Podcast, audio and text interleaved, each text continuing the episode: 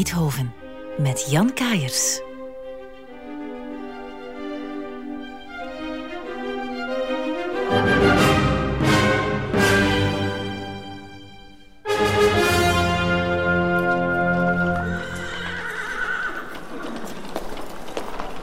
We zijn in Bonn, pakweg 1790. Eh, We proberen ons dat een beetje voor te stellen. Eh, de nog ongehavende stad, de straatjes met vakwerkhuizen, de pleintjes, eh, het zicht op de groene heuvels rondom de stad, met dorpjes en boomgaarden. Het heeft eigenlijk iets idyllisch. En er is natuurlijk ook de Rijn de kade waar kleine zeilscheepjes aanleggen om de keukens van het keurvorstelijke paleis te bevoorraden.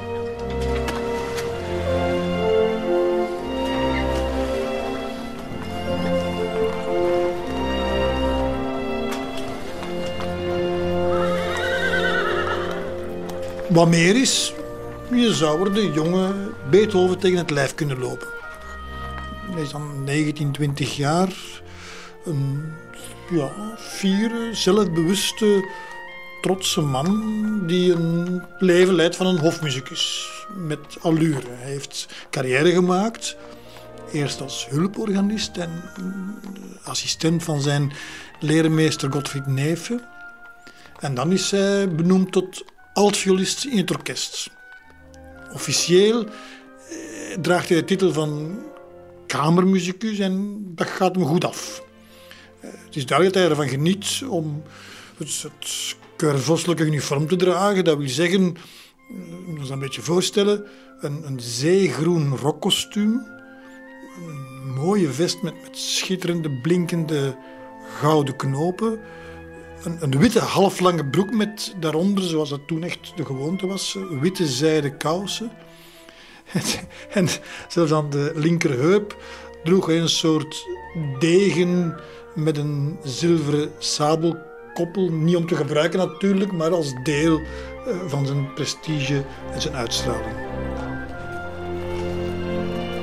Je ziet hem eigenlijk zo door de stad lopen, een opvallende verschijning. Uh, niet erg groot, slank eerder, maar wel krachtig gebouwd een man die met zijn twee voeten stevig op de grond staat. Een donkere haardos, zware wenkbrauwen. Vooral door die wat donkere haarkleur heeft hij de bijnaam de Spanjool te zijn. Soms zijn er voorbijgangers die elkaar dan aanstoten en zeggen: Kijk, voilà, daar heb je hem, de Spanjool. dat was zijn bijnaam. Dat heeft zeker te maken met zijn wat donker voorkomen, maar natuurlijk toch ook wel uh, met zijn temperament, zijn Spaans furieus karakter, om af en toe eens een beetje opvliegend te zijn.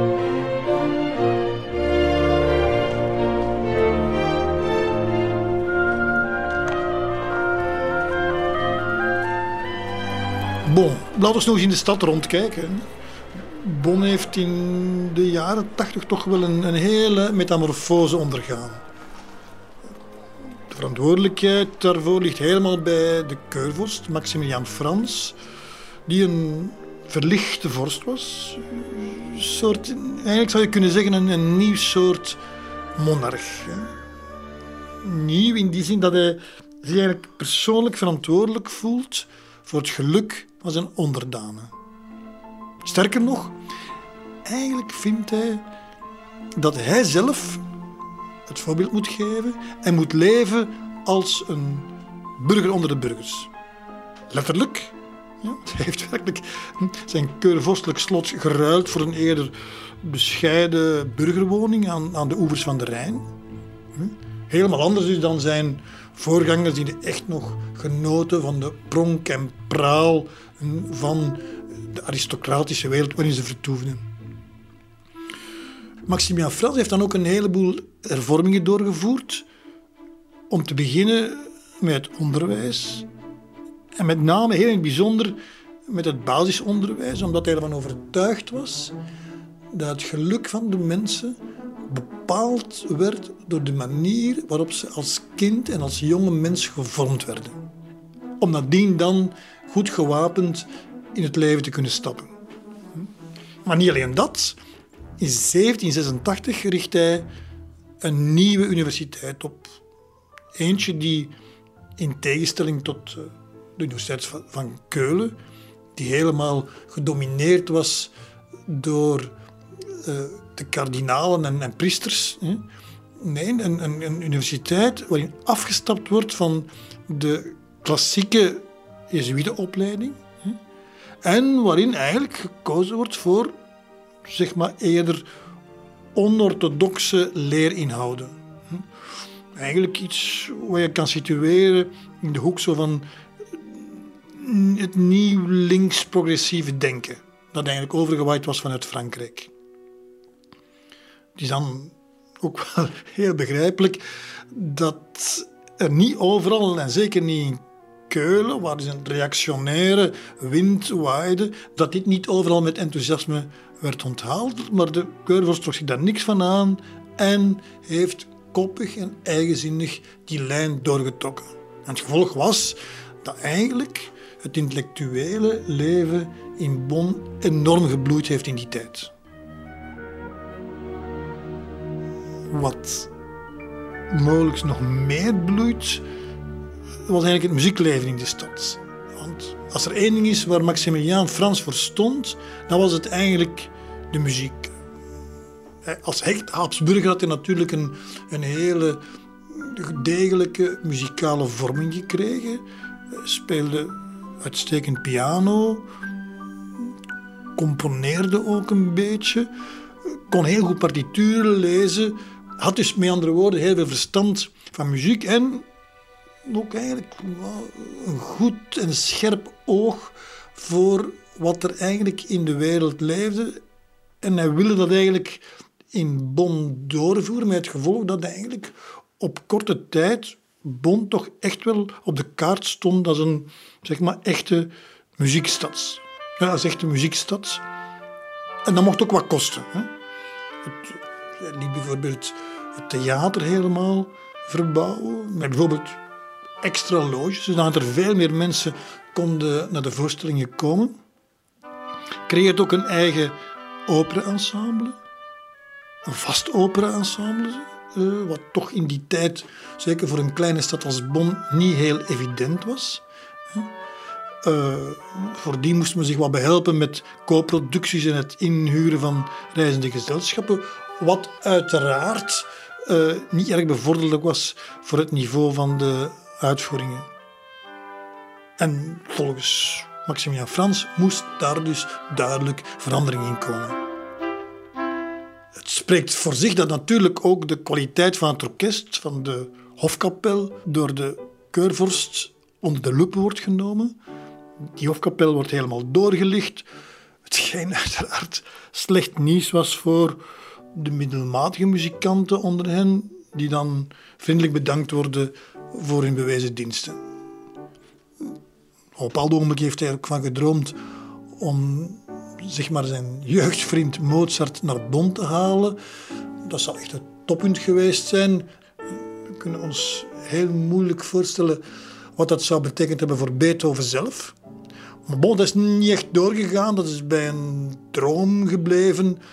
Omdat Mozart op dat ogenblik toch wel in Wenen zoveel successen boekte dat zeg maar een, zich ingraven in een toch wel kleiner provinciestadje als Bonn geen optie voor hem was. In de plaats van Mozart heeft Maximilian Frans dan uh, Jozef Reicha als muziekdirecteur weten te strikken. Een heel virtuoze componist, een cellist, een dirigent afkomstig uit Bohemen, wat nog een interessant land was, omdat Bohemen altijd een muziekcultuur had waarbij de fantasie van de klank en de rijkdom van de klank uh, heel centraal stond, wat overigens eigenlijk vandaag ook nog altijd het geval is. Hm?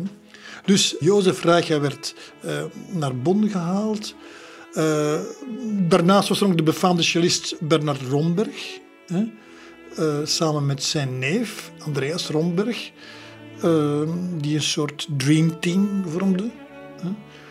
En dat is een beetje de context waar de, de late tiener Beethoven in heeft gefunctioneerd. Beethoven heeft uren in het orkest operas gespeeld, altviool. Hij had dus tijd om met zijn ogen en zijn oren te stelen, om de beste muziek die daar ook gespeeld werd, uh, van binnenuit te leren kennen.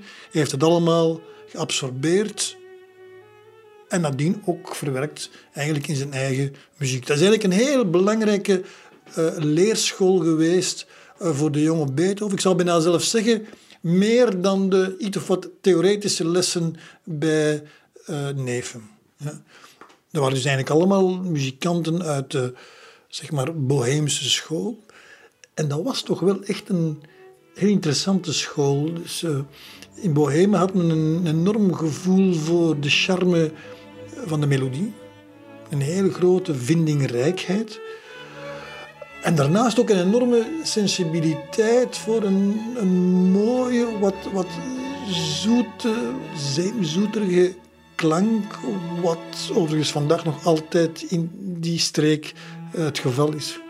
En het kan niet anders dan dat Beethoven door heel veel muziek van bijvoorbeeld Jozef Reicher te spelen, zijn symfonieën, zijn concerto's, dat hij daar veel van in zich heeft opgezogen, dat hij dat geabsorbeerd heeft. En later zullen we ook bij Beethoven, naast dat grote gebaar, die grote gestiek, zullen we altijd opnieuw heel tedere, lieve melodieën hebben die eigenlijk hun wortel hebben gevonden in die traditie.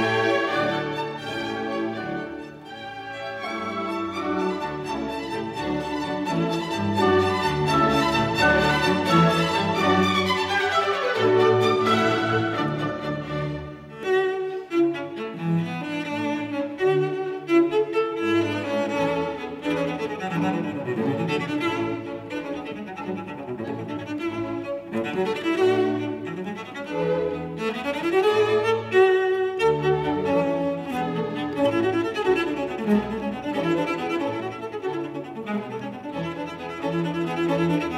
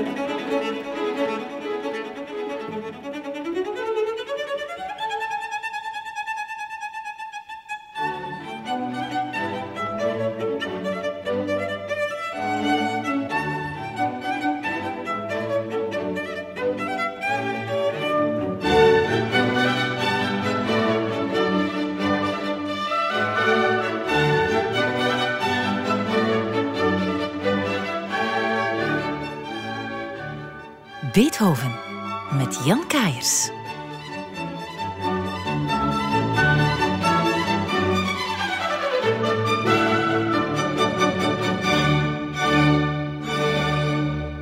De sterren staan dus goed voor Beethoven.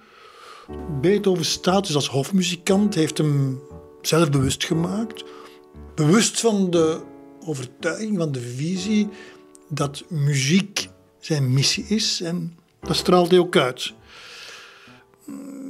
Anderzijds kan je ook niet naast kijken dat er in zijn doordringende ogen ook een zekere duisterheid te bespeuren is, een soort zwaarmoedigheid. De blik eigenlijk van een jonge man die veel te snel volwassen is moeten worden. We gaan niet vergeten dat hij op 16-jarige leeftijd zijn moeder heeft verloren, gestorven aan tuberculose. En dat was voor Beethoven heel zwaar. Natuurlijk voor iedereen, maar eh, op die leeftijd voor Beethoven zijn moeder verliezen, dat heeft hem emotioneel erg getekend. Hij was zeer gehecht aan zijn moeder. Zij was tenslotte toch het ankerpunt in de familie, de stabiliteitsfactor, om het zo te zeggen. Het was eigenlijk ook zij die zeg maar, in haar getalenteerde zoon de mogelijkheden zag om zich als het ware boven het eenvoudige burgerlijke leven van een hofmuzikus uit te tillen. En ze heeft hem eigenlijk toch altijd aangemoedigd om, om hoger te grijpen. Je zou het kunnen zeggen dat ze wat een soort tegenpool was met de vader, die toch wel vanaf een bepaald ogenblik vooral oog had uh, voor, zeg maar, voor de fles. En zeker toen, toen de moeder overleden is, uh, is dat probleem van alcoholisme bij de vader alsmaar groter geworden. Uh, met het gevolg dat we echt wel kunnen spreken van het feit dat vader Beethoven een ernstig alcoholprobleem had. dat maakt ook dat de verantwoordelijkheid van het gezin, dus na de dood van de moeder, eigenlijk helemaal op de schouders van de oudste zoon Ludwig terechtgekomen is. Ehm, die eigenlijk heeft moeten zorgen voor zijn twee jongere broertjes, uh, Caspar Karl en Nicolaas Johan. Ja, ik probeer me dan eigenlijk een beetje voor te stellen. Dus wat dan heeft geleid tot een niet meer weggaand gevoel van verantwoordelijkheid voor die twee broertjes, ook later in zijn leven. Maar gelukkig staat Beethoven er niet alleen voor. Hij heeft in Bonn namelijk een paar goede vrienden die ervoor zorgen dat hij niet helemaal in het moeras van de misère wegzakt. Hm? Zo is er eh, bijvoorbeeld de violist Frans Ries, eh, een van de sterspelers van de Bondse muziekkapel, waarbij Beethoven een paar jaar violes heeft genomen. Dat is eigenlijk een hele sympathieke figuur met een groot hart en vooral was toch eigenlijk een begaafde violist. Ries was een goede vriend van de familie van Beethoven. De vader van Frans Ries, ook een muzikus, die had nog onder Louis van Beethoven gewerkt, dus de grootvader van Ludwig. En bovendien woonde de familie Ries in dezelfde straat als de van Beethovens, waardoor ze eigenlijk, bij manier van spreken, dagelijks bij elkaar in en uit liepen. Hetgeen toch wel een bijzonder gevoel van verbondenheid heeft gecreëerd. Toen moeder van Beethoven overleed, was het voor Frans Ries dan ook de normaalste zaak van de wereld dat hij zou bijspringen wanneer dat nodig zou zijn.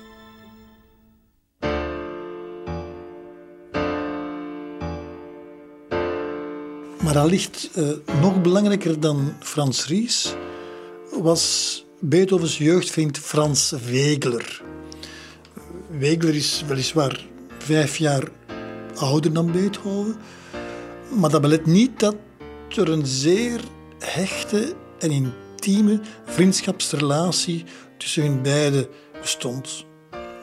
Een vriendschap die overigens heel lang zal blijven duren, eigenlijk tot aan Beethovens dood. Ook al zullen op een bepaald ogenblik hun wegen scheiden, blijven ze met elkaar corresponderen. En dat is toch wel heel bijzonder als je weet dat Beethoven eigenlijk een grondige hekel had aan het schrijven van brieven, alleen waar hij het echt niet anders kon, doopte hij zijn veer in de inkt. De meeste van zijn brieven gingen gewoonlijk dan over zakelijke aangelegenheden, zendekwesties of ja, puur technisch muzikale dingen. Maar in de brieven aan Wegeler vertelt Beethoven heel veel over zichzelf, over zijn intieme leven, zijn mentale gesteldheid, zijn liefdesleven en zijn gezondheid. Hetgeen overigens een beetje logisch is als je weet dat Wegeler arts geworden is. En ik moet zeggen dat die, die brieven voor een biograaf natuurlijk een goudmijn zijn. Hm? Maar dat ligt nog belangrijker voor ons is het feit dat Wegeler relatief kort na Beethovens dood een soort memoires heeft geschreven, jeugdherinneringen aan zijn vriend Beethoven, waarin hij heel wat anekdotes vertelt over Beethoven gedurende zijn bonse jaren. En dat is natuurlijk een nog groter cadeau voor ons om de Beethoven uit die tijd te portretteren. Wat ik eigenlijk zo mooi vind aan die memoires van Wegeler, is dat hij die niet heeft geschreven met de bedoeling om een graantje mee te pikken van die hele herdenkingsindustrie die er toch wel na de dood van Beethoven is ontstaan en waar sommigen toch wel heel wat misbruik van hebben gemaakt. Uh, hij niet. Wegeler heeft die memoires geschreven vanuit een soort verantwoordelijkheidsgevoel de verantwoordelijkheid om in te gaan tegen de vele zeg maar, wilde indianenverhalen die er reeds dan de deden over Beethoven. Wegener vond het eigenlijk zijn plicht om te vertellen wat hij wist, om vrij objectief, nog hagiografisch, nog anekdotisch gewoon te vertellen over Beethoven zoals hij hem gekend heeft en zoals hij ook vond dat Beethoven moest verder leven in het nageslacht. Een nobele ambitie die hij overigens zelf in zijn inleiding tot zijn memoires heel mooi onder woorden heeft gebracht. Wanneer zich tussen twee jonge lieden in dezelfde stad geboren een vriendschappelijke en vertrouwelijke verbintenis gevormd heeft. En gedurende een tijdvak van zeven of acht jaren met elkaar zijn opgegroeid, wanneer die vrienden op volwassen leeftijd nog bijna twee jaar in een vreemde hoofdstad samen hebben gewoond en van dan af, hoewel gescheiden, nog dertig jaar in een vertrouwelijke eensgezindheid verbonden bleven, als dan de dood hen scheidt en de afgestorvene op het gebied der kunsten de grootste onderscheiding heeft behaald en een voor eeuwig Europese beroemdheid, dan mag de overgeblevene zich wel gerechtigd weten, zichzelf wel verplicht achten om de wereld deze mededelingen niet te onthouden. Ze kunnen dienen om de mens en de kunstenaar naar waarde te leren schatten.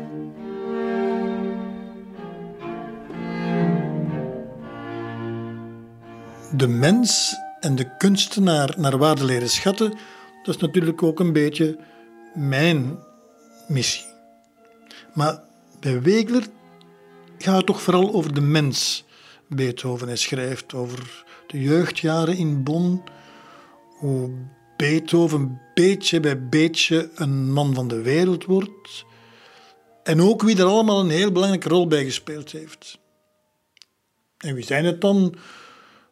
Dat is voornamelijk eigenlijk één familie. Een adellijke familie uit Bonn, die een heel cruciale rol heeft gespeeld in Beethovens leven, namelijk de familie von Browning.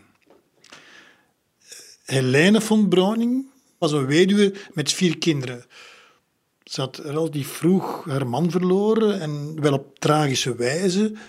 Hij was hofbeambte en toen in 1777 een brand uitbrak in het keurvorstelijk slot, was hij in een plichtsbewuste poging om zoveel als mogelijk archiefstukken te redden uit de Vlammenzee, verpletterd onder een instortende balk en hij stierf ter plekke.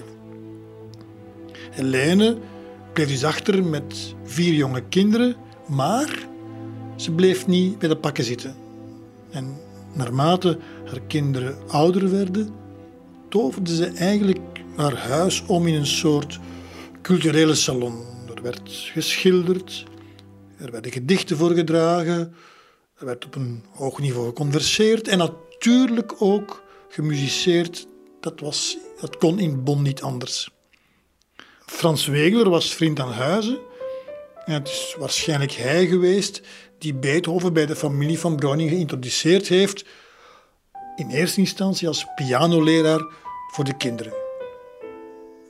Wegeler beschrijft in zijn memoires heel goed de sfeer die er in dat huis hing. Een sfeer die toch wel erg moet gecontrasteerd hebben met datgene wat Beethoven thuis gewoon was.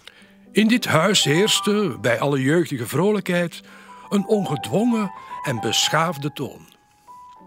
Christophe von Breuning beproefde zijn talenten al vroeg in het vervaardigen van kleine gedichten, hetgeen bij Stefan von Breuning veel later doch niet zonder gelukkig gevolg plaats had.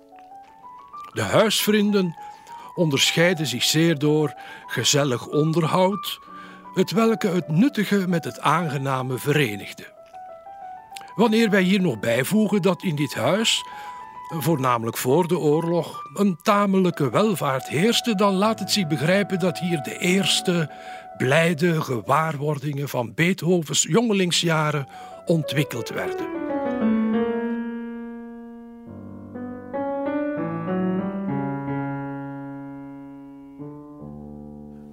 de eerste blijde gewaarwordingen.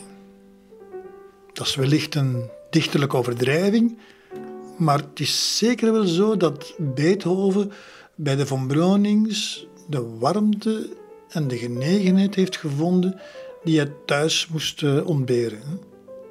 Maar ook omgekeerd, eh, de Von Breunings genieten echt wel van het gezelschap van Beethoven.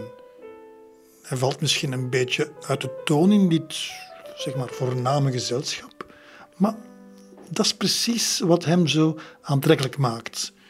Het doet dan ook niet lang of Beethoven wordt door Helene van Browning in de armen gesloten als een soort adoptiezoon. Hij verblijft er vaak overdag, soms ook s'nachts. Hij mag mee op zomeruitstapjes. Hij wordt ja, eigenlijk een deel van de familie.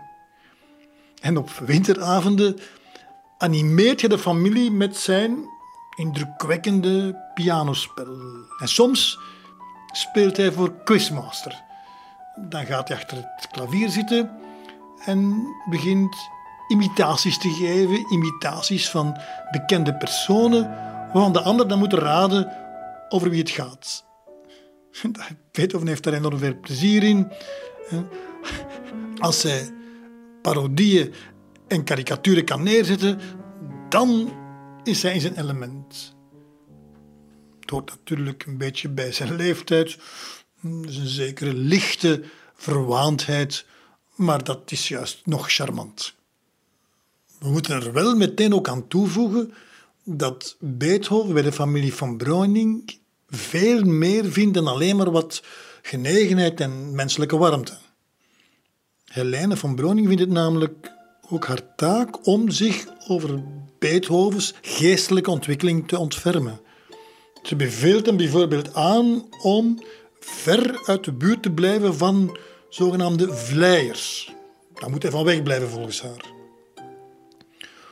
Ook aan zijn wereldlijke ontwikkeling is er heel wat werk. Als hij zich in hogere kringen wil bewegen, moet hij toch een beetje Frans kunnen spreken. Hij moet uh, Voltaire en Montesquieu lezen en mogelijkerwijze ook citeren. Helena von Browning brengt Beethoven ook de basisregels bij van de etiketten. Ik zeg bijvoorbeeld om met mes en vork te eten, met twee woorden te spreken of op de juiste manier een bezoeker te begroeten door hoofs een nederige buiging te maken. Beethoven is weliswaar van goede wil. Hij krijgt een aantal dingen relatief snel onder de knie. Hij is tenslotte ook niet dom. Maar andere dingen zijn wel nogal wat hoog gegrepen.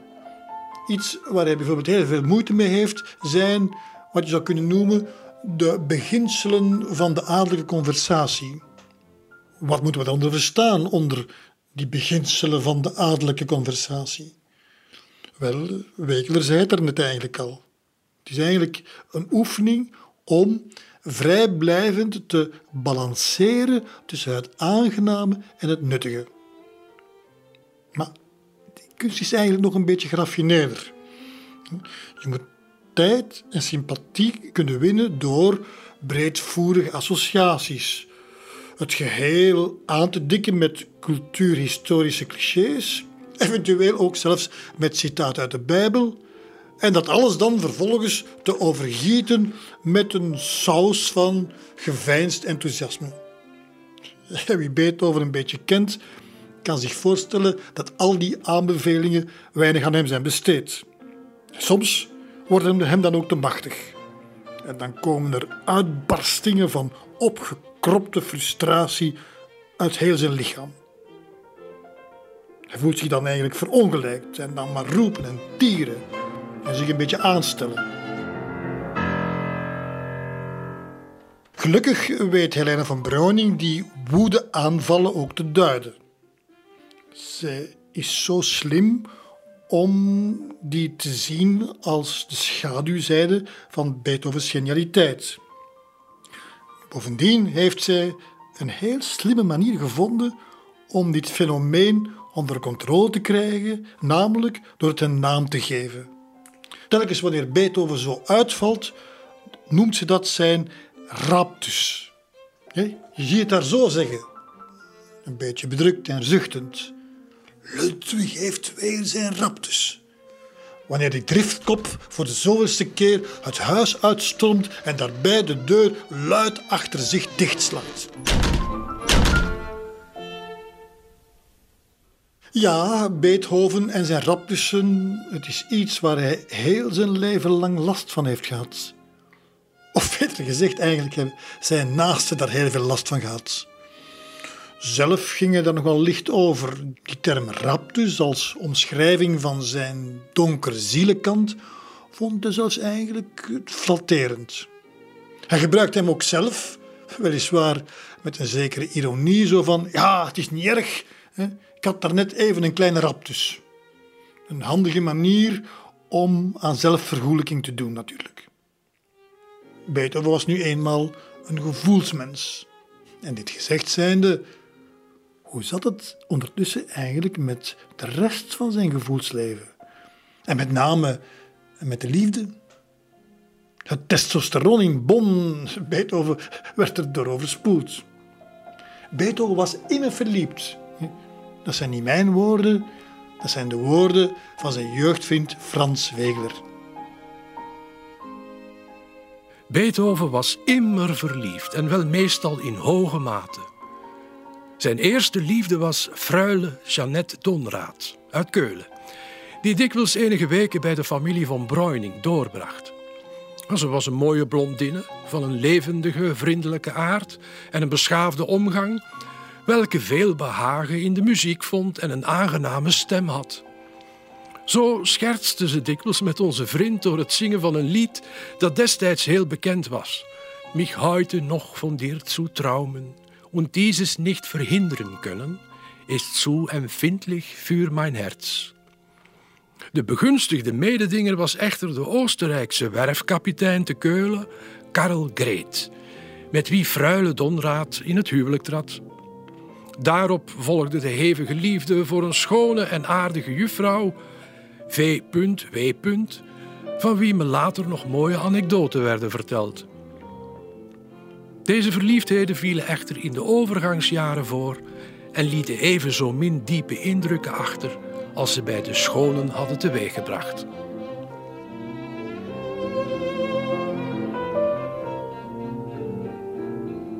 Wegler heeft het hier over een freule Jeannette Donraad en een onbekende schone die hij enkel bij haar initialen noemt, maar het waren er zeker veel meer, getuigen de vele hartstochtelijke liefdesliedjes die Beethoven in deze zogenaamde overgangsjaren in zijn leven heeft gecomponeerd. Nur bei dir an deinem Herzen fliehen Sorge, Gram und Schmerzen und die Stifterin der Leiden. Unsere Liebe schafft uns Freuden, die kein Gott mir ohne dich, die kein Gott dir ohne mich schaffen keiner geben kann. Du mein Weib und ich dein Mann, du mein Weib und ich dein Mann.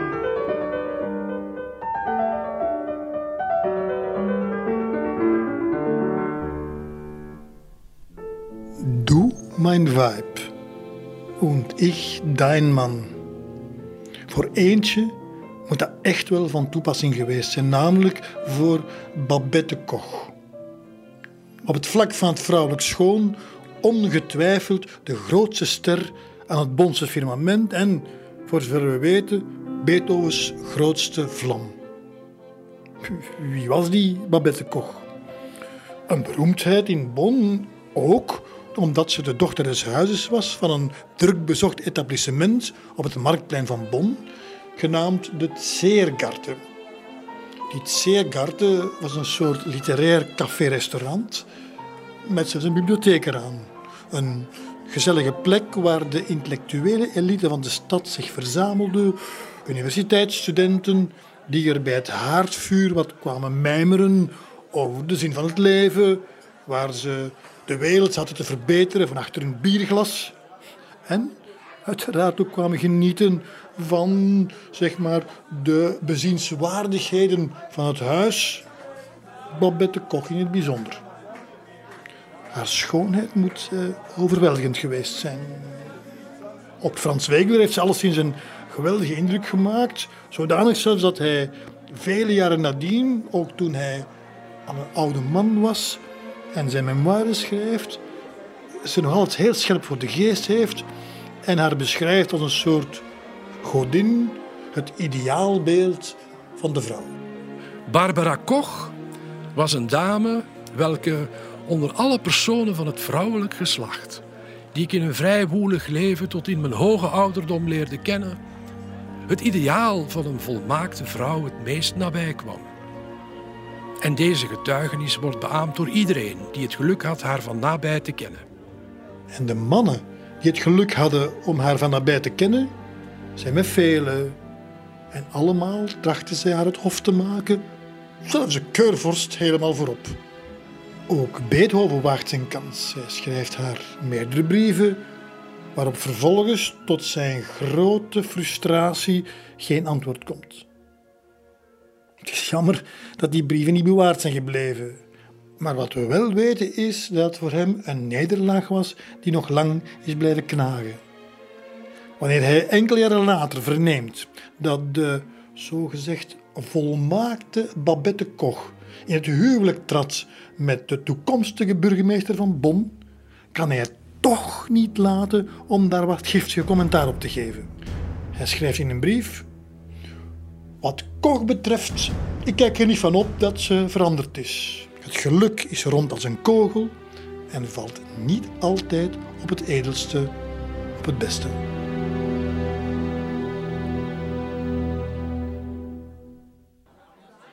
Maar even terug naar de Zeergarten op het Marktplein in Bonn. Een bolwerk van progressieve intellectuelen, kunstenaars, dichters en professoren aan de universiteit die vlakbij lag. Daarom is het ook voor Beethoven een interessante plek. Hij vindt hier eigenlijk een kring van gelijkgezinden. Beethoven heeft weliswaar maar een minimale schoolopleiding gehad, maar hij bezit wel een enorme intellectuele nieuwsgierigheid. Hij heeft Homerus gelezen, Plutarchus, Voltaire en ook de intellectuelen van zijn tijd. Maar wat hem eigenlijk bijzonder interesseert is geschiedenis. En daarbij is hij vooral gefascineerd door de grote namen. Hij leest de ene biografie na de andere. Niet zozeer dat hij alle data en feiten wil kennen. Nee, nee, nee. Het zijn vooral de psychologische portretten die hem fascineren. Hij wil de drijfveren kennen, de morele overwegingen van al die grote mannen. Dat zijn de dingen die hem inspireren. En s'avonds in het Seergarten kan hij er niet over zwijgen. hoe meer kruiken wijn er worden aangevoerd, hoe meer hij bevangen geraakt door zijn eigen betoog. Tot er een onzichtbare grens wordt overschreden. En dat is dan de grens waarbij men gênante uitspraken begint te doen, zoals als Caesar in staat was tot grootste dingen, waarom ik dan niet? Of een andere, misschien heb ik, Ludwig van Beethoven, ook wel een goddelijke missie te vervullen. Tja, waarom niet eigenlijk? Schenk ze nog maar eens vol. Erhebt das Glas mit froher Hand und trinkt euch heiteren Mut. Wenn schon den Freundschaft euch verband, nun das Geschicke trennt, so heitert dennoch euren Schmerz und kränket nicht des Freundes Herz. Erheitert, Brüder, euren Schmerz und kränket nicht des Freundes Herz.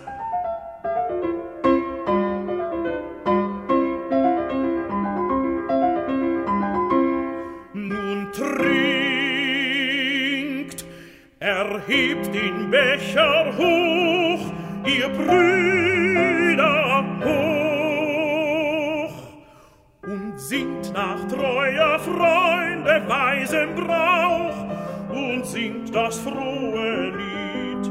Uns trennt das Schicksal, doch es bricht die Freundschaft treuer Herzen nicht. Uns trennt das Schicksal, doch es bricht die Freundschaft treuer Herzen nicht. Overigens, Beethoven hoefde niet gedronken te hebben om zich bewust te zijn van zijn sterk ego. Hij is fundamenteel doordrongen van het idee dat hij tot grootse dingen in staat is.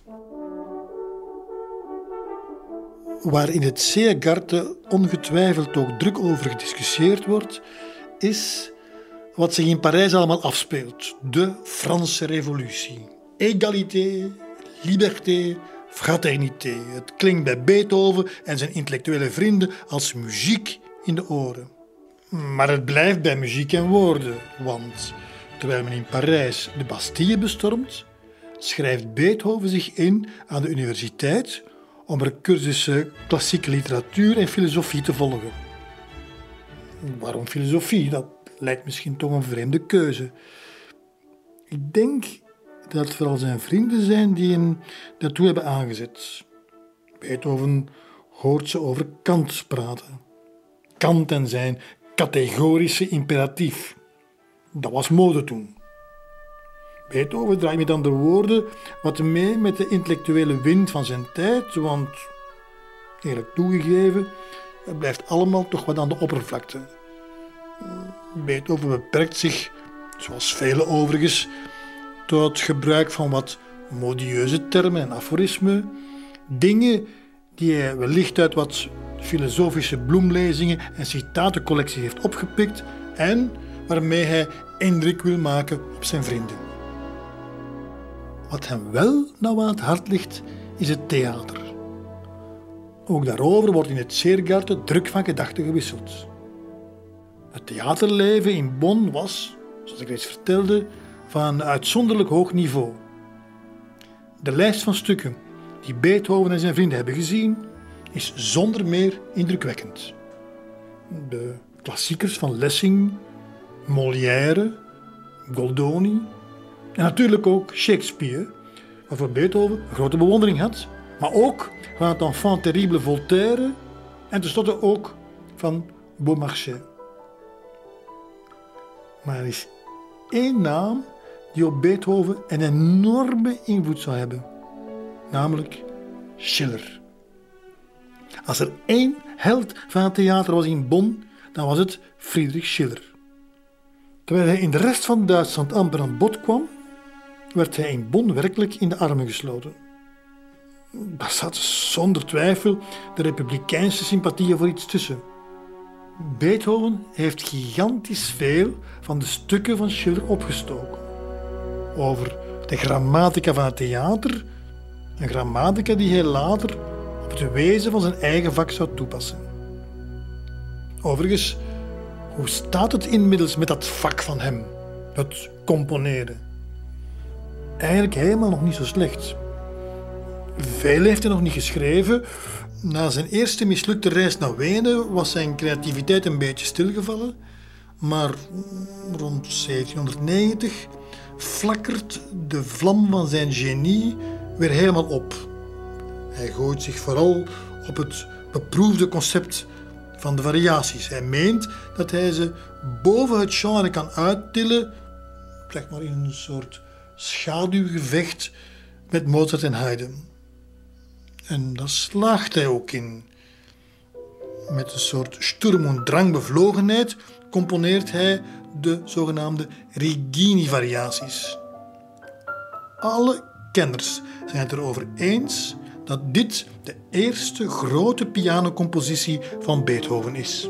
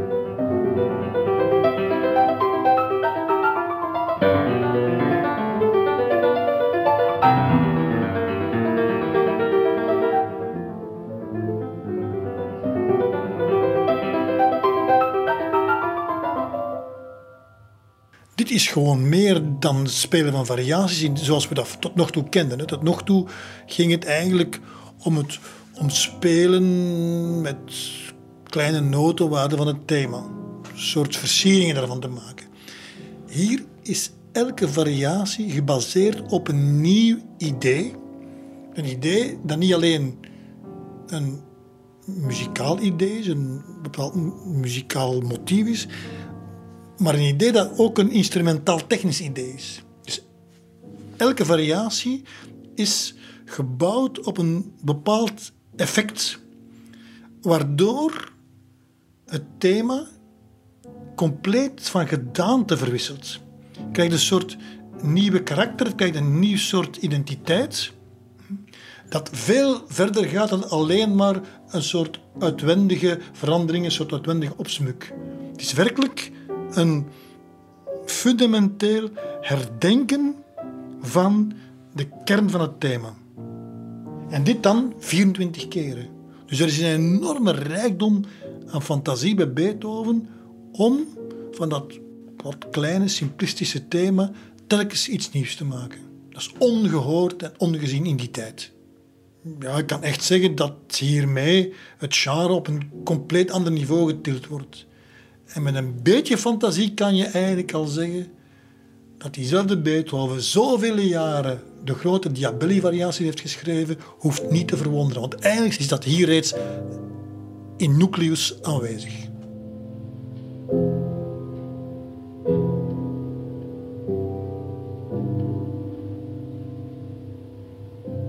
mogen duidelijk zijn dat Beethoven met deze Rigini-variaties het plafond van zijn ontwikkelingsmogelijkheden in Bonn heeft bereikt. Hij heeft dus dringend behoefte aan nieuwe horizonten.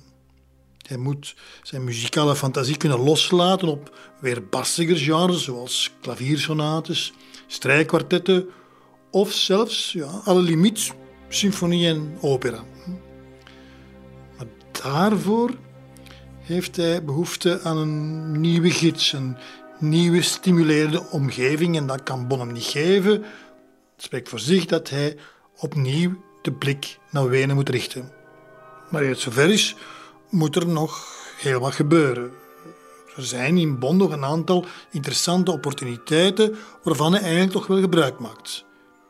Zo krijgt hij in het voorjaar van 1790 de opdracht om een kantate te componeren naar aanleiding van de dood van keizer Jozef II. Dus Jozef II was op 20 februari overleden en er is dus een plan in Bonn om een grote herdenkingsplechtigheid te organiseren waarbij dan een nieuwe kantate zou opgevoerd worden. Men heeft dan voor Beethoven gekozen was een beetje merkwaardig, want er waren zeker meer ervaren componisten aan het hof. Maar toch kost men voor Beethoven. Dat was een fantastisch aanbod voor hem. Zij het dat helaas twee dagen voor de geplande datum van uitvoering er beslist om die kantaten af te voeren. Er waren verschillende redenen voor. Sommigen beweren dat Beethovens kantaten te grootschalig was, eh, technisch te moeilijk en te hoog gegrepen voor het niveau van de muzikanten. De voornaamste reden zou wel eens kunnen geweest zijn dat er gewoon onvoldoende repetitietijd was, wat dan de schuld was van Beethoven, die, zoals dat vaker ook nog zou gebeuren, zijn partituur gewoon veel te laat had ingeleverd. Deadlines waren nu eenmaal niet zijn sterkste punt. En ik denk dat dat ermee te maken heeft dat Beethoven een genie was. Hè. Genieën hebben ja, misschien wel de neiging om te laten komen omdat ze te goed willen doen. Hetzelfde is overigens gebeurd met de kantaten die Beethoven dan moest schrijven naar aanleiding van de troonsbestijging van de nieuwe keizer Leopold. Hm? Ook daar is het misgegaan. Onder meer omdat de muzikanten bedenkingen hadden bij de moeilijkheidsgraad, de wat ongebruikelijke wendingen in de compositie. Zelfs de mensen die Beethoven zeer genegen waren, zoals Frans Ries, toch een van zijn beste vrienden, maakten bezwaren. En ook dit keer werd de kantate afgevoerd. Het zou overigens duren tot in de jaren 80 van de 19e eeuw, voor Johannes Brahms, die kantaat herontdekt heeft en geherwaardeerd heeft. Brahms heeft werkelijk gezegd van zijn fantastische stukken. Je kan echt horen dat hier reeds de grote Beethoven aan het werk is.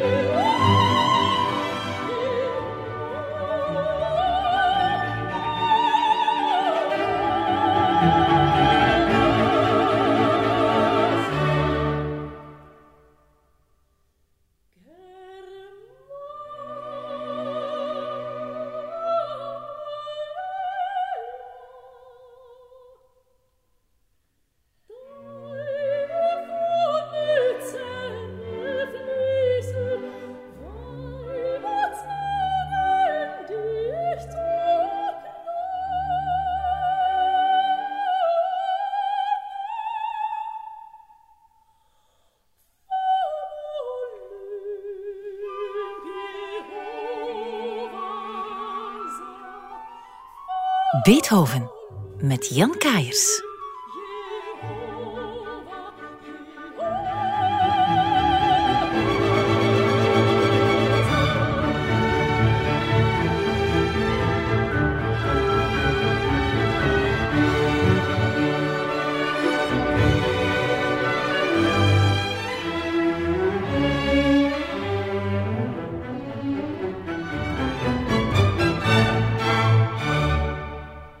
Twee mislukkingen op rij betekenen evenwel niet dat Beethoven uit de gratie van de keurvorst is gevallen.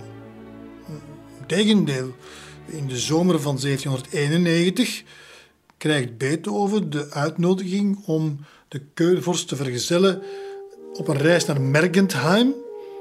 Mergentheim, waar de hoofdzetel van de Duitse orde zich bevond. De Duitse orde waarvan Maximiliaan Frans de grootmeester was. Dus ze reisde voor een vergadering naar Mergentheim. En het was dan ook vrij logisch dat de keurvorst zijn muziekkapel, zijn visitekaartje als het ware, hm, wou meenemen om daar uit te pakken met zijn fantastische muzikanten.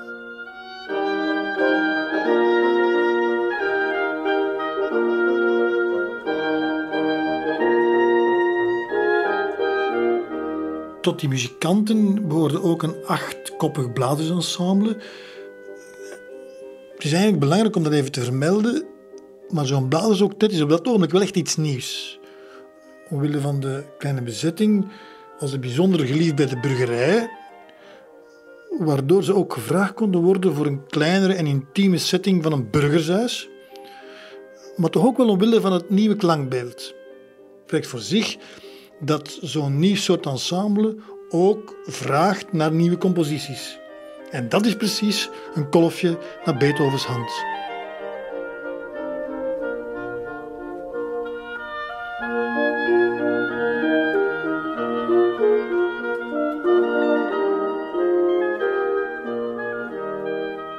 De reis met de keurvorst naar Mergentheim was iets wat Beethoven toch altijd met blijdschap en heimwee is blijven terugdenken.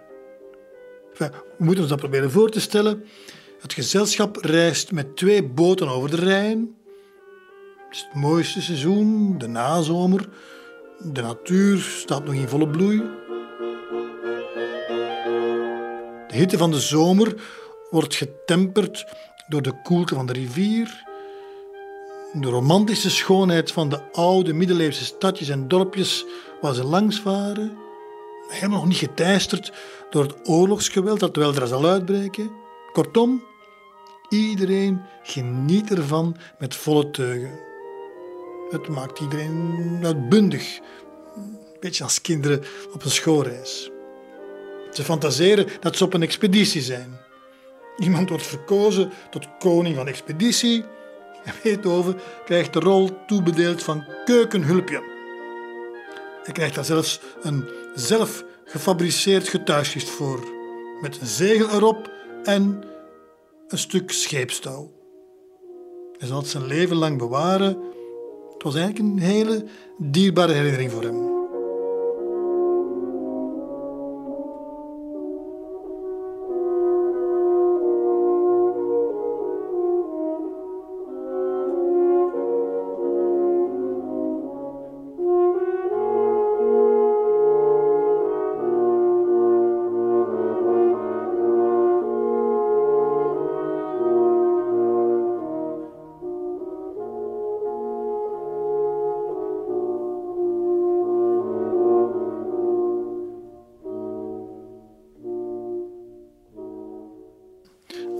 Beethoven goede herinneringen aan die reis overhoudt, is ook begrijpelijk, vooral ook omdat hij enkele keren de kans krijgt om als solist enige staaltjes van zijn kunnen te beste te geven.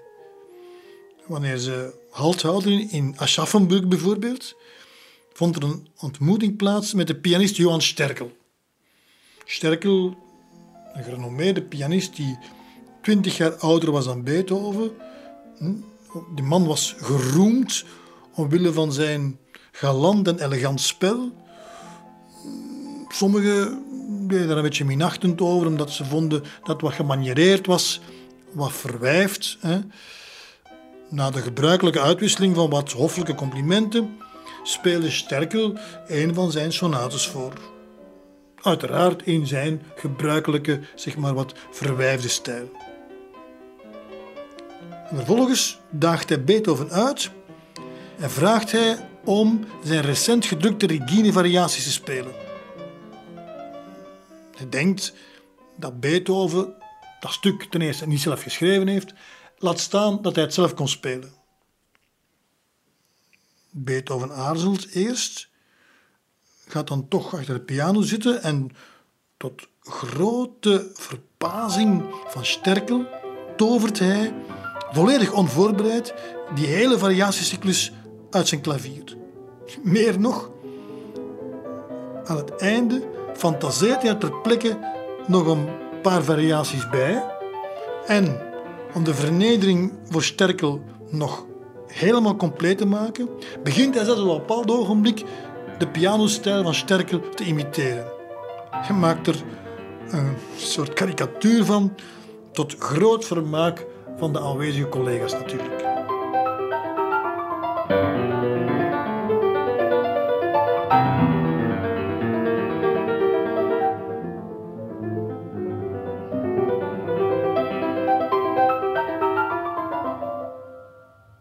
Ook in Mergentheim krijgt Beethoven de kans om te schitteren. Zij het eerder in besloten kring. Eh, want Beethoven bekloeg zich over dat hij tijdens zijn publieke optredens moest spelen op minderwaardige pianos. Maar bij een van die privéconcerten is wel een recensent aanwezig. Niemand minder dan Karl Ludwig Jonke, een man die dus spreekt met kennis van zaken wanneer hij kort nadien het volgende artikel publiceert. Ik hoorde ook een van de grootste klavierspelers, de goede, dierbare Beethoven, van wie in 1783 reeds enkele composities verschenen zijn in de Spier Bloemlezing, geschreven toen hij 21 jaar oud was. Het is waar, hij trad niet op voor het grote publiek. Wellicht was het instrument niet naar zijn zin. Het was een vleugel van Speet, en in Bonn is hij het gewend om op een stein te spelen. Toch, tot mijn veel groter genoegen, had ik de kans om hem te horen improviseren. Ik mocht hem zelfs een thema opgeven om op te variëren. Alle leden van het orkest bewonderden hem. Ze zijn een en al oor wanneer hij speelt. Maar hij blijft bescheiden, vrij van elke pretentie. Toch moest hij bekennen dat hij op deze reis hij bij nog geen enkele beroemde klavierspeler die hij ontmoet had, gevonden had wat hij verwacht had te vinden. Zijn spel onderscheidt zich zodanig van de traditionele manier waarop de piano wordt behandeld, dat het ons voorkomt dat hij zich een heel eigen weg heeft willen banen om tot het einddoel te komen waar hij nu is beland. Lovende woorden voor de pianist Beethoven, maar nog geen woord over de componist. En dat zal nog een tijdje op zich laten wachten. Thuisgekomen van Mergentheim gaat het leven van Beethoven in Bonn weer zijn gewone gang. Bij zijn bezoekjes aan de familie van Browning vindt hij alles weer bij het oude. Of toch niet helemaal. Het valt hem namelijk voor het eerst op dat de dochter Eleonore van Browning, aan wie hij enkele jaren pianoles heeft gegeven, een prachtige vrouw is geworden. Elegant, gracieus. En Beethoven, u voelt het al komen, Beethoven wordt het over zijn oren verliefd op Eleonore. Is de liefde wederzijds? Moeilijk te zeggen. We weten alleen dat er een tijdje liefdesboodschappen worden uitgewisseld, nooit rechtstreeks, wel via een tussenpersoon, wat dan toch een beetje vragen is om misverstanden. En met nieuwjaar 1791, Beethoven is dan net 21 jaar geworden, komt het tot een ruzie. Kreeg hij een van zijn tussen omdat hij afgewezen werd? Het is mogelijk, maar hebben enkele te raden naar. Zeker is wel dat hij zich misdragen heeft. Fameus misdragen, want uit schaamte gaat hij een hele tijd niet meer bij de Van Brownings langs. Tot een definitieve breuk komt het niet, maar de gedachte aan wat er zich toen tussen hen heeft afgespeeld, blijft hem nog wel lang part spelen. Meer dan een jaar later, hij is dan al verhuisd naar Wenen, komt hij op terug in een lange brief. Hooggeachte Eleonore, mijn liefste vriendin. Er is al bijna een jaar sinds mijn aankomst in deze stad verstreken voordat u een brief van me ontvangt. En toch is me uw sprekende evenbeeld steeds in mijn verbeelding nabij. Zo heb ik in gedachten vaak met u en uw familie gesproken, hoewel niet altijd in de gelukkige stemming die ik me had kunnen wensen. Want dat fatale misverstand stond me nog voor ogen. En met afkeer kijk ik nu terug op mijn gedrag van destijds. Maar het was nu eenmaal zo. Hoeveel zou ik ervoor over hebben om in staat te zijn een dergelijke stuitende handelswijze voor altijd uit mijn leven weg te wissen, die mezelf zo naar beneden haalt en haak staat op mijn gebruikelijke stemming en karakter? Veel omstandigheden hebben er inderdaad toe bijgedragen ons van elkaar te vervreemden. En ik vermoed dat degene die om beurten aan u en aan mij onze wederzijdse uitingen overbriefde, de grootste obstakels vormde voor een goede verhouding tussen ons. Iedereen geloofde zomaar dat datgene wat gezegd werd voortkwam uit een weloverwogen standpunt, terwijl er alleen maar woede aan de grondslag lag, opgehitst door anderen. Zo hadden we het beide mis. Uw goede en edele inborst, mijn lieve vriendin, geeft me voldoende zekerheid dat u me allang heeft vergeven. We hebben geleerd dat het beste bewijs van oprecht berouw is onze fouten te erkennen. Dit is wat ik hierbij wil doen. Laten we nu onder deze hele affaire een streep zetten en er één les uit leren: dat het, wanneer vrienden in conflict zijn geraakt, altijd beter is geen bemiddelaar in de arm te nemen, maar rechtstreeks met elkaar te communiceren.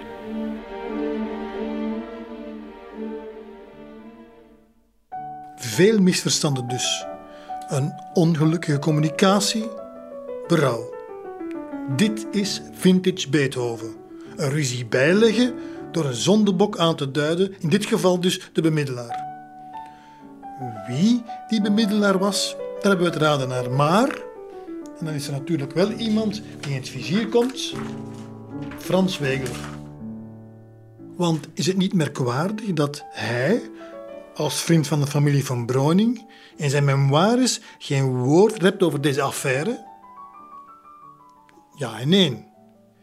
Aan Eleonore van Broning wijdt hij slechts één enkel zinnetje. De dochter Eleonora von Breuning is thans de huisvrouw van de vervaardiger deze bijdragen. Van je vrienden moet je het hebben. Maar goed, Beethoven is zich op dat ogenblik natuurlijk nog van geen kwaad bewust. Het is bovendien ook niet zeker dat Wegeler toen al een oogje op haar had. Beethoven van zijn kant heeft in alle geval nog hoop. En hij tracht Eleonore weer voor zich te winnen met een geschenkje. Bij zijn brief doet hij nog een partituur van enkele nieuwe variaties die hij net heeft gecomponeerd en aan haar wil opdragen de variaties op het thema Se vuol ballare uit Le nozze di Figaro van Mozart. Ik vraag u dit kleinigheidje te accepteren en niet te vergeten dat het u wordt aangeboden door een toegewijde vriend. Oh, wanneer het u wat genoegen zal schenken, dan zullen mijn wensen al vervuld zijn. Mogen het in zekere mate de tijd in gedachten roepen waarin ik zoveel gelukkige uren in uw huis doorbracht. Misschien kan het dienen om me in uw gedachten te houden tot mijn terugkeer, hoewel die nog ver ligt. O, mijn lieve Eleonore, wat zullen we het fijn hebben. Ik ben ervan overtuigd dat u in uw vriend een gelukkiger man zult herkennen, ondanks alles wat vooraf is gegaan. Zijn rimpels van zorgen door de tijd uitgewist en een beter lot.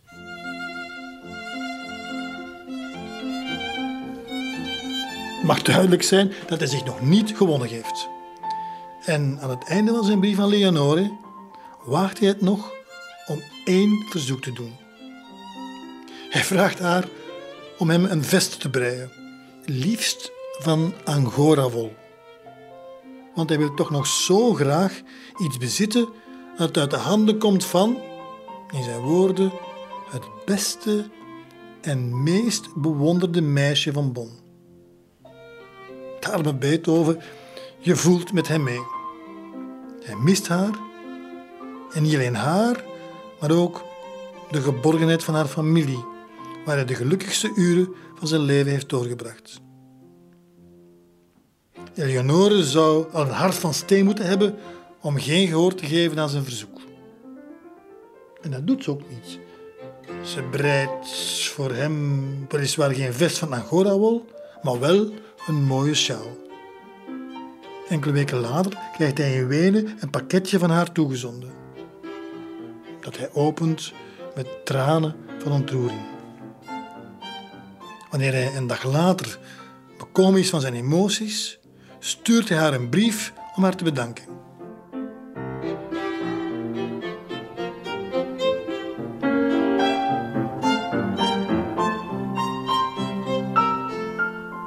De mooie sjaal die je voor mij hebt gebreid, was een enorme verrassing voor me. Maar hoe welkom uw gift ook was, ze riep ook weer gevoelens van verdriet in me op. Ze deed me denken aan vroegere dagen en maakte me beschaamd vanwege uw edele gedrag tegenover mij. Ik hield er maar weinig rekening mee dat u me nog steeds uw herinnering waardig achtte. Oh, als u gisteren getuige had kunnen zijn van mijn emoties toen deze gebeurtenis zich voordeed, dan zou u niet denken dat ik overdrijf wanneer ik zeg dat een dergelijk teken van uw herinnering aan mij me in tranen bracht en me erg verdrietig deed voelen. Ook al verdien ik het nauwelijks om door u welwillend te worden beoordeeld, geloof me, mijn lieve vriendin, laat me u nog steeds zo mogen noemen. Ik heb heel erg geleden onder het gemis van uw vriendschap. En dat doe ik nog steeds. Ik kan u en uw lieve moeder nooit vergeten. U was zo vriendelijk voor me dat uw verlies niet gemakkelijk kan worden goedgemaakt. Ik weet wat ik door mijn eigen toedoen ben kwijtgeraakt en wat u voor mij betekende. Maar om deze leegte te vullen, moet ik toevlucht nemen tot scènes die even pijnlijk zijn voor u om te horen als voor mij om ze uiteen te zetten.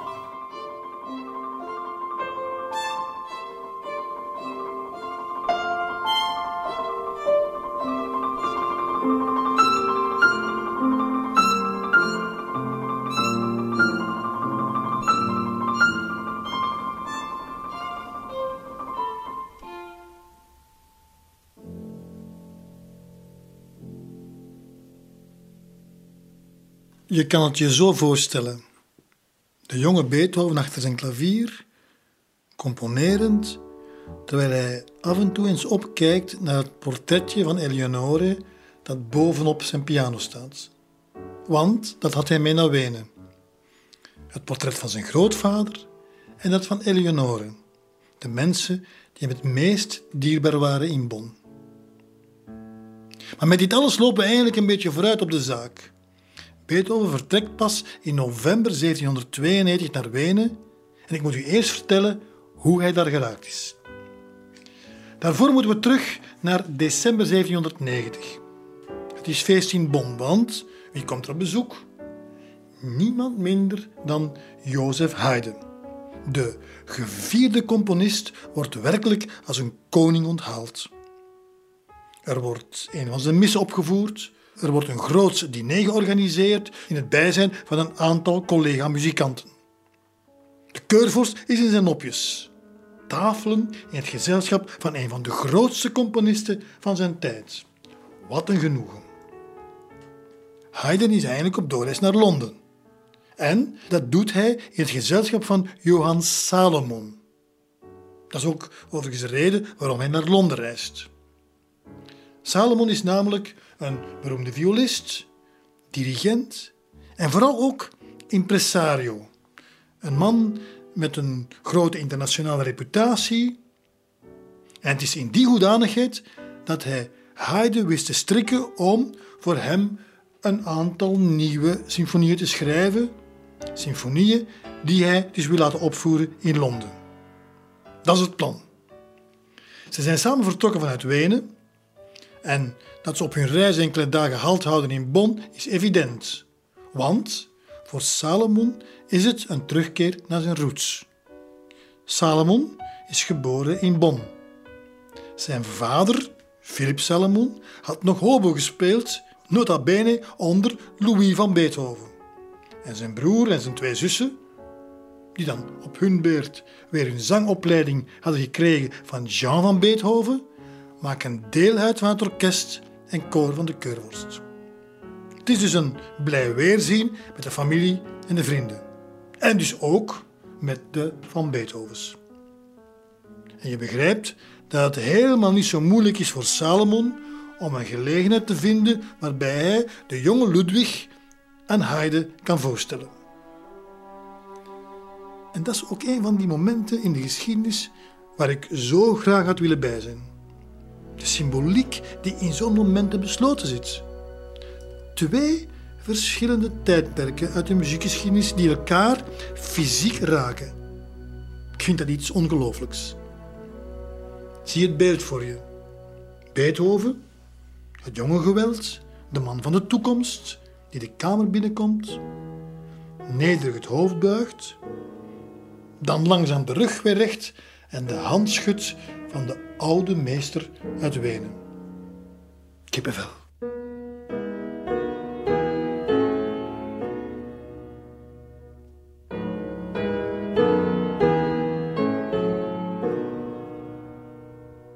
Of Beethoven bij deze ontmoeting iets voorgespeeld heeft, dat weten we niet. Geen enkele bron die dat vermeldt. Maar anderhalf jaar later, in 1792, keert Haydn terug uit Londen. En opnieuw houdt hij halt in Bonn. En dit keer krijgt Beethoven de kans om aan Haydn een van zijn kantaten te tonen. Haydn was zeer onder de indruk en nodigt Beethoven uit om meteen al na de zomer naar Wenen te komen en om bij hem lessen te volgen. Stel je voor, Beethoven die de kans krijgt om bij de belangrijkste componist van die tijd, je mag niet vergeten dat Mozart op dat ogenblik gestorven was, hm, les te komen nemen en om zich verder te ontwikkelen in het schrijven van, zeg maar, symfonieën, operas enzovoort. Beethoven zal zichzelf wel even in de arm geknepen hebben. Want dit is voor hem natuurlijk het summum. Wie anders zou hem beter op weg hebben kunnen helpen in zijn carrière? Wie anders zou hem kunnen leren om voortaan het zogenaamde grotere werk aan te pakken? Eh, symfonieën, operas enzovoort. Tja, Mozart hoor ik u denken. Vijf jaar eerder was Beethoven immers al een keertje naar Wenen gereisd om daar lessen te kunnen krijgen van Mozart. Maar het is op niets uitgedraaid, omdat Mozart wel andere dingen om zijn hoofd had. Zat die mogelijkheid er nu in? Nee, om de hele eenvoudige reden dat Mozart het jaar voordien overleden was. En dat maakt dat Haydn, allicht samen met Salieri, op dat ogenblik de belangrijkste componist in Wenen is.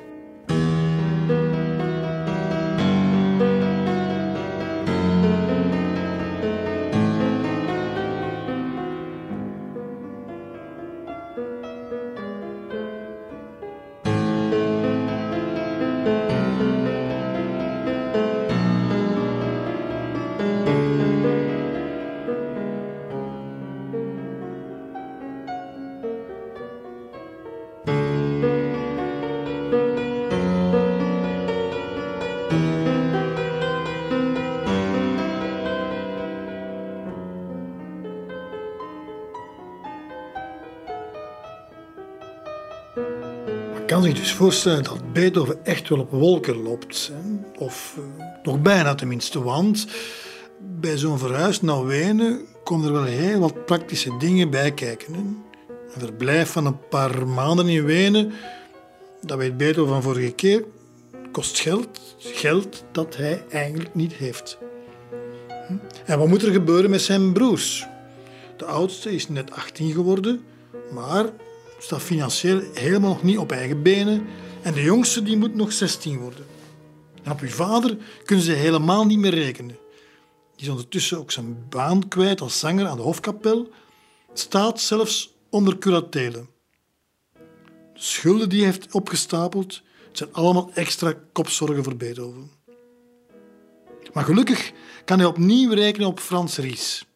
Zijn oude vriend biedt hem aan om de zorg over zijn broers op zich te nemen, wat een enorme opluchting moet zijn voor Beethoven. Maar daarmee zijn de financiële zorgen natuurlijk helemaal nog niet van de baan. Daarvoor moet hij andere connecties aanspreken en wel liefst connecties in de hogere kringen. Maar die vindt hij ook. Sinds hij bij de familie van Broning over de vloer komt, heeft hij mogen kennismaken met allerlei kapitaalkrachtige mensen uit de high society in Bonn. Daaronder ook één man. Een man die in hem gelooft. Een man die hem zal helpen om de hele Weense onderneming financieel mogelijk te maken. En wat voor een man. Ik heb het over graaf Ferdinand Ernst Gabriel von Waldstein und Wartenberg zu Dux. De naam alleen al. Doet misschien ook een belletje rinkelen bij literatuurliefhebbers, want deze excentriekeling haalde de geschiedenisboeken niet alleen omdat hij zich over Beethoven heeft bekommerd, maar ook omwille van een ander genie, Giacomo Casanova. Toen Casanova op het einde van zijn leven op de vlucht was, opgejaagd door de Venetiaanse autoriteiten, was het graaf von Waldstein en zijn broer die hem asiel gaven in hun familiekasteel in Bohemen. Het is daar dat Casanova als bibliothecaris zijn memoires schreef en de broers van Waldstein hem hielpen met een Duitse vertaling. Graaf van Waldstein was zonder twijfel een van de meest pittoreske figuren afkomstig uit het Weense aristocratenmilieu. Een excentriekeling en nog niet een klein beetje. Een aristocraat met een perfecte stamboom, zoon van Emanuel Philibert von Waldstein en prinses Maria Anna Therese van Liechtenstein, hooggeboren dus, en in een steenrijke familie. Ook een familie die doordrongen was van cultuur, hooggestemde idealen en morele plichten. Dat betekende ook dat minstens één van hun kinderen moest kunnen toetreden tot de Duitse orde. En misschien even ter verduidelijking: de Duitse orde was een geestelijke militaire ridderorde, opgericht tijdens de kruistochten, maar eind 18e eeuw nog steeds zeer machtig en invloedrijk. Een organisatie met tentakels tot in de hoogste politieke kringen. Tot ridder geslagen worden in de Duitse orde, of zoals ook vaak genoemd wordt, de Teutoonse orde, was dus een prestigezaak. Maar die onderscheiding kreeg men natuurlijk niet zomaar cadeau. Zelfs niet met een naam als von Waldstein und Wartenberg zu Dux. Vooraleer men zijn ridderslag in ontvangst kon nemen, moest er toch minstens de schijn opgewekt worden dat men zijn maandje kon staan op het strijdtoneel. Tonen dat men uit het juiste ridderlijke hout gesneden was. Gelukkig voor von Waldstein waren er in die tijd genoeg mogelijkheden om proeven te geven van zijn kunnen en zijn dapperheid. De missie van de Teutoonse orde was immers sinds de middeleeuwen onveranderlijk gebleven christelijk geloof met de wapens te verdedigen en, indien mogelijk, te verbreiden.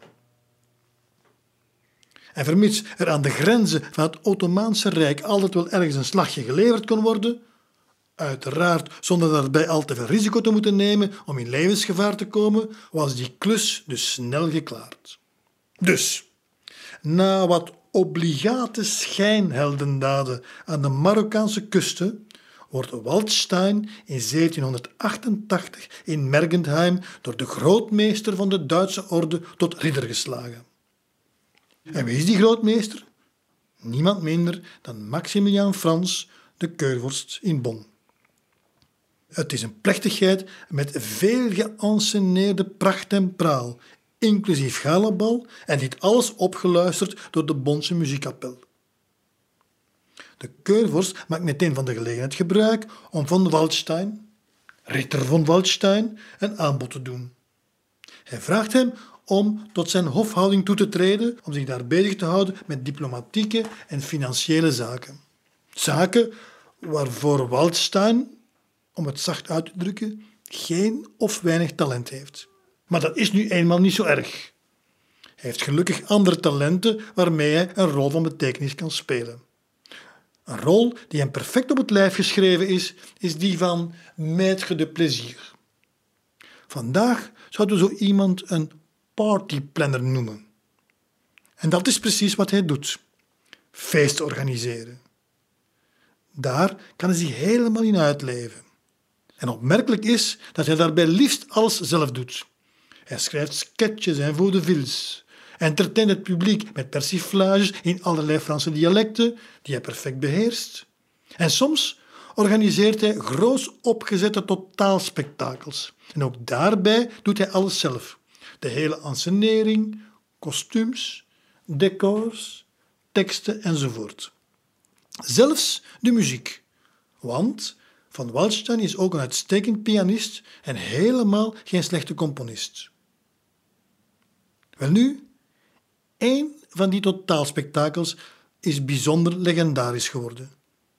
De première ervan vindt plaats op 6 maart 1791 in de Redoutezaal in Bonn, een mooi kasteeltje of een zogenaamde plaisanterie, die overigens vandaag nog gebruikt wordt voor exclusieve events.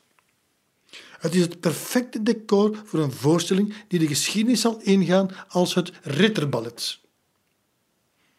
Het evenement is al van lang op voorhand aangekondigd met veel poeha. Heel de Bonse high society is present. Ieder druppeltje blauw bloed en elke notabele. De verwachtingen zijn dus hoog gespannen. Maar al bij de eerste mate die het orkest speelt, weet iedereen dat ze zich aan een groot spektakel mogen verwachten.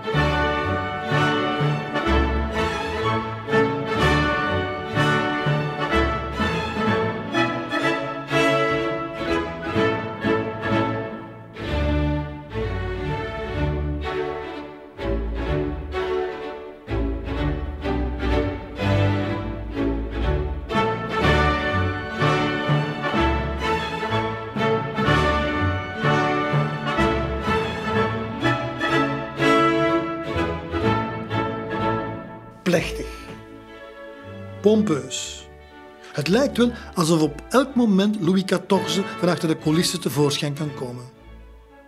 En het scheelt ook niet veel, want daar komen de dansers, stuk voor stuk uitgedost in de klederdracht van de oude Duitse adel. De vrouwen in prachtige jurken, de mannen met wandelstokken en pruiken. Pracht en praal. Al dansend beelden ze allerlei tafereelen uit. Tafereelen uit het roemrijke verleden van hun voorvaderen, uit jachtpartijen, drinkgelagen, romances, glorieuze veldslagen. De productie moet een fortuin hebben gekost, maar niemand die daar wakker van ligt. De gasten zijn werkelijk overdonderd. En de muziek is prachtig. Het is een compositie van graaf von Waldstein zelf Tenminste, zo wordt het toch geadverteerd. In werkelijkheid heeft hij ze laten componeren door een ghostwriter, een jonge componist die inmiddels zijn protégé is geworden. Beethoven natuurlijk.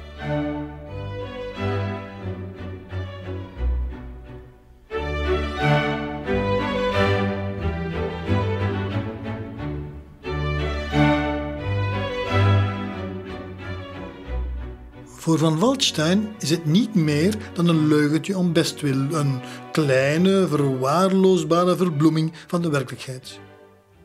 En Beethoven maakt er ook geen punt van. Hij beschouwt het als een vriendendienst, een vriendendienst die Van Waldstein een jaar later retourneert. En daarmee zijn we weer in de zomer van 1792 aanbeland. Het moment dat Beethoven zich de kop breekt over hoe hij zijn reis naar Wenen moet bekostigen. Het moment dat Von Waldstein hem van dienst kan zijn. Het is immers hij die aan het hof mee aan de financiële touwtjes trekt. En van Beethovens talent en potentieel moet hij niet meer overtuigd worden. Het enige wat nog ontbreekt is een handtekening van de keurvorst. Een officiële goedkeuring waarmee Beethoven, met behoud van salaris en liefst nog wat zakgeld bovenop, naar Wenen kan vertrekken. En het lukt. De keurvorst stemt in, al laat het antwoord enkele maanden op zich wachten. Achteraf bekeken is het zelfs een wonder te noemen dat de keurvorst überhaupt de tijd gevonden heeft om zich het lot van een van zijn hofmuzikanten aan te trekken. Hij had wel andere dingen om zijn hoofd. Nadat hij de zomermaanden nog in Mergentheim had doorgebracht, zag hij zijn hele najaar overschaduwd door dreigend oorlogsgeweld. Wat was er aan de hand? Enkele maanden voordien hadden de grote mogendheden, met Oostenrijk en Pruisen voorop, een grote coalitie gesmeed met de bedoeling Parijs te belegeren en de Franse koning terug op zijn troon te plaatsen. Maar dat draait op een mislukking uit. Op 20 september, op een kleine 200 kilometer van Parijs, wordt hun opmars gestuit door de Franse revolutionaire troepen. De beroemde slag van Valmy, een keerpunt in de geschiedenis. Een dag later wordt in Parijs de Franse monarchie officieel afgeschaft en de Eerste Franse Republiek uitgeroepen. De geallieerden moeten op de vlucht, terwijl ze achterna gezeten worden door de Franse troepen. Ze moeten zich terugtrekken tot achter de Rijn. Ze verschansen zich in Frankfurt, maar daardoor ligt Bonn opeens onbeschermd.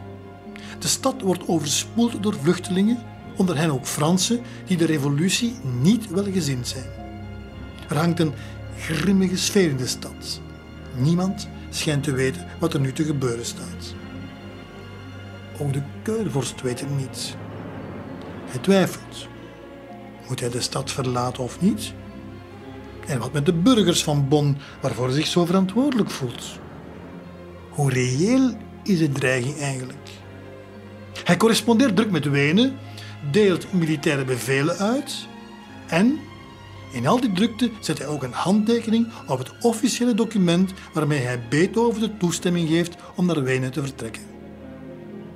Eindelijk, na maanden bang afwachten, is de beslissing dan toch gevallen.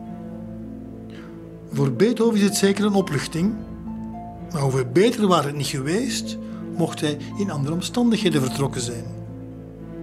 Met het naburige oorlogsgeweld wordt het alsmaar gevaarlijker om een reis naar Wenen te ondernemen. Hij heeft geen tijd te verliezen dus. En zijn vrienden evenmin, want die willen, oorlog of niet, hun vriend Beethoven toch nog uitwijven in stijl. Dus op 1 november 1792 verzamelen ze nog één keer in het Seegarten.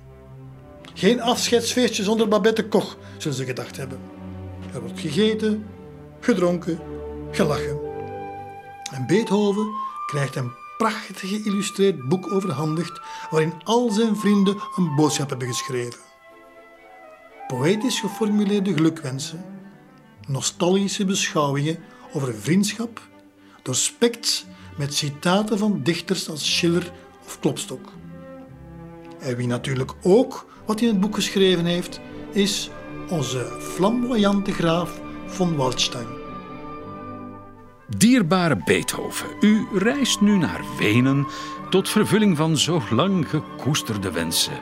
Mozarts genius treurt nog en beweent de dood van zijn kind. Hij vond nu een toevlucht bij de onuitputtelijke Haydn, maar geen bedrijvigheid. Hij wenst door hem nog één keer met iemand verenigd te zijn. Door onophoudelijke ijver ontvangt u Mozarts geest uit Haydns handen. Bonn, de 29 oktober 1792. Uw ware vriend, Waldstein. Door onophoudelijke ijver ontvangt u Mozarts geest uit Haydns handen. Dat is toch wel bijzonder, want het is hier voor de eerste keer in de geschiedenis dat iemand het concept van het triumviraat van de zogenaamde Weense klassiek formuleert. Beethoven, Mozart en Haydn. Vanuit nu bekeken is dat een profetische zin. Maar merkwaardig is toch ook dat Haydn er nogal wat pakkaaj van afkomt. De genius van Mozart ligt volgens Van Waldstein wel in Haydns handen, maar hij vindt er geen bedrijvigheid. Haydn doet er met andere woorden niets mee. Haydn is niet meer dan een soort waterdrager van Mozart. Dat is toch wel een zware onderschatting. Haydn heeft immers veel meer betekend voor de ontwikkeling van de Wijnse stijl En bovendien heeft hij een heel belangrijke rol gespeeld in Beethovens muzikale ontwikkeling. Achteraf kunnen wij heel duidelijk vaststellen dat Beethoven de techniek van het componeren, de manier waarop je een thema ontwikkelt en van daaruit een hele compositie schrijft, vooral bij Haydn heeft geleerd en vanuit Haydn's denkwijze verder heeft ontwikkeld. Maar dat allemaal terzijde.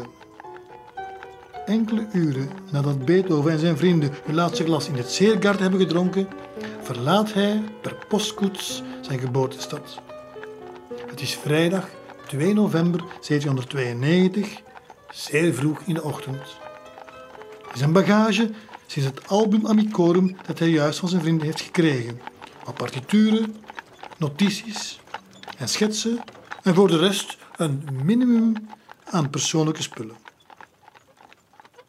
Na enkele uren rijden zitten ze meteen in oorlogsgebied. In de verte is het gebulder van kanonnen soms te horen. Verschillende keren zijn ze genoodzaakt om omwegen te maken doordat de wegen versperd zijn door geallieerde troepen. En één keer is er zelfs geen ontkomen aan.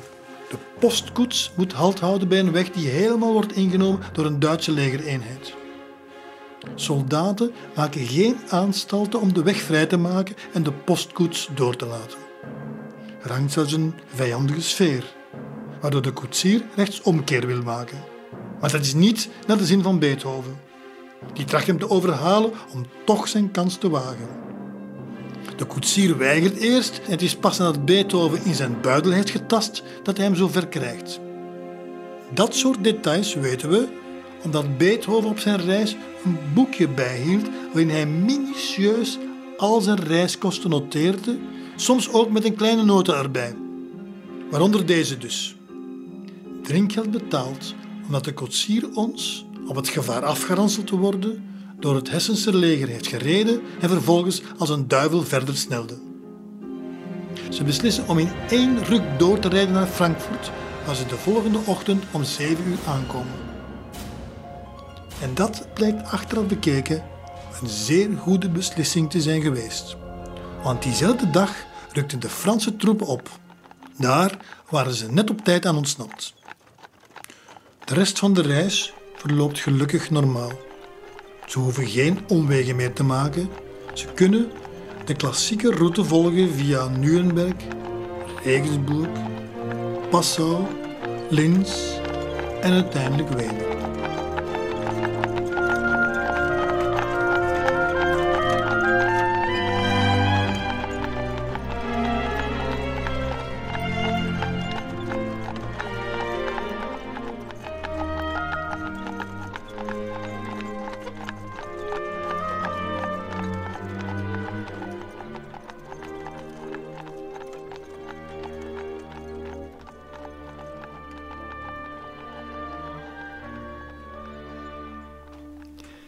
10 november 1792. De dag dat Beethoven arriveert in Wenen is een grauwe herfstdag. Beethoven is 21 jaar, bijna 22. Hij heeft geen idee wat hem hier te wachten staat. Ja, hij gelooft in zichzelf. Hij weet dat hij talent heeft en ook dat hij het karakter heeft om het hier te maken. Maar wat hij op dit moment nog niet kan vermoeden, is dat Wenen zijn tweede thuisstad zal worden en wel voor goed. Zijn geboortestad Bonn zal Beethoven nooit meer terugzien.